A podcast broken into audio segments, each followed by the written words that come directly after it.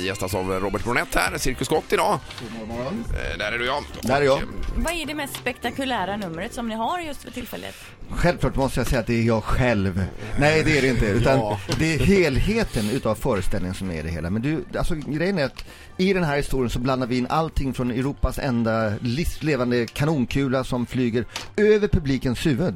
30 meter och landar förhoppningsvis på en luftkudde inne i manegen. Eh, du har eh, fantastiska luftakrobater, bra dansare, du har eh, fantastiska jonglörer, en tjej oerhört snygg kan jag säga. Men förutom att hon är snygg så är hon oerhört begåvad också. Hon jonglerar med fotbollar på ett sätt som skulle göra Zlatan avundsjuk. Oj då. Ah. Så där, ja. Eh, Men det här Robert, jag har funderat på det ibland med, eh, man gör ju de här akrobatnumren i luften med Ja. Mm. trapetser och annat och så kör man sitt program där och sen kommer det alltid en sån här på slutet som är någonting som aldrig har setts tidigare som är utöver det vanliga och förmodligen kommer alla dö.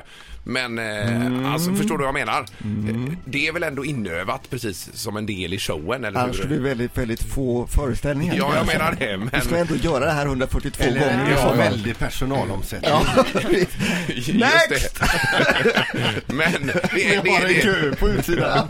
men det är liksom en grej man kör då för att lyfta, är det så eller hur?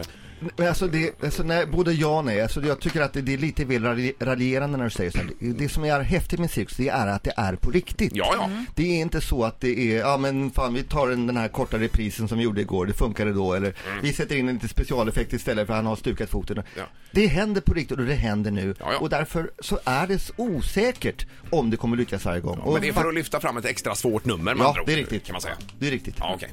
Då är vi med på det. Eh, Vi, måste, vi, vi ber dig alltid säga det klassiska här, Robert, alltså, men det, är- det hör ju till. Absolut. Ändå När du är på Peter plats. ville igår att du skulle vända dig till mig också för han tycker att det är... Ja, han tycker. Och att hon skulle fortsätta så.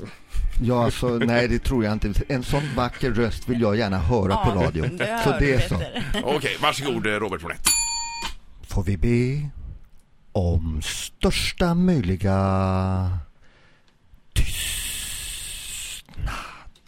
Ja! Bra! Bra.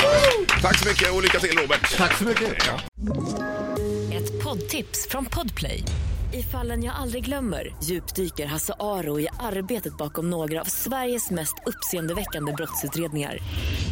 går vi in med hemlig telefonavlyssning och, och då upplever vi att vi får en total förändring av hans beteende. Vad är det som händer nu? Vem är det som läcker? Och så säger han att jag är kriminell, jag har varit kriminell i hela mitt liv men att mörda ett barn, där går min gräns. Nya säsongen av Fallen jag aldrig glömmer på Podplay.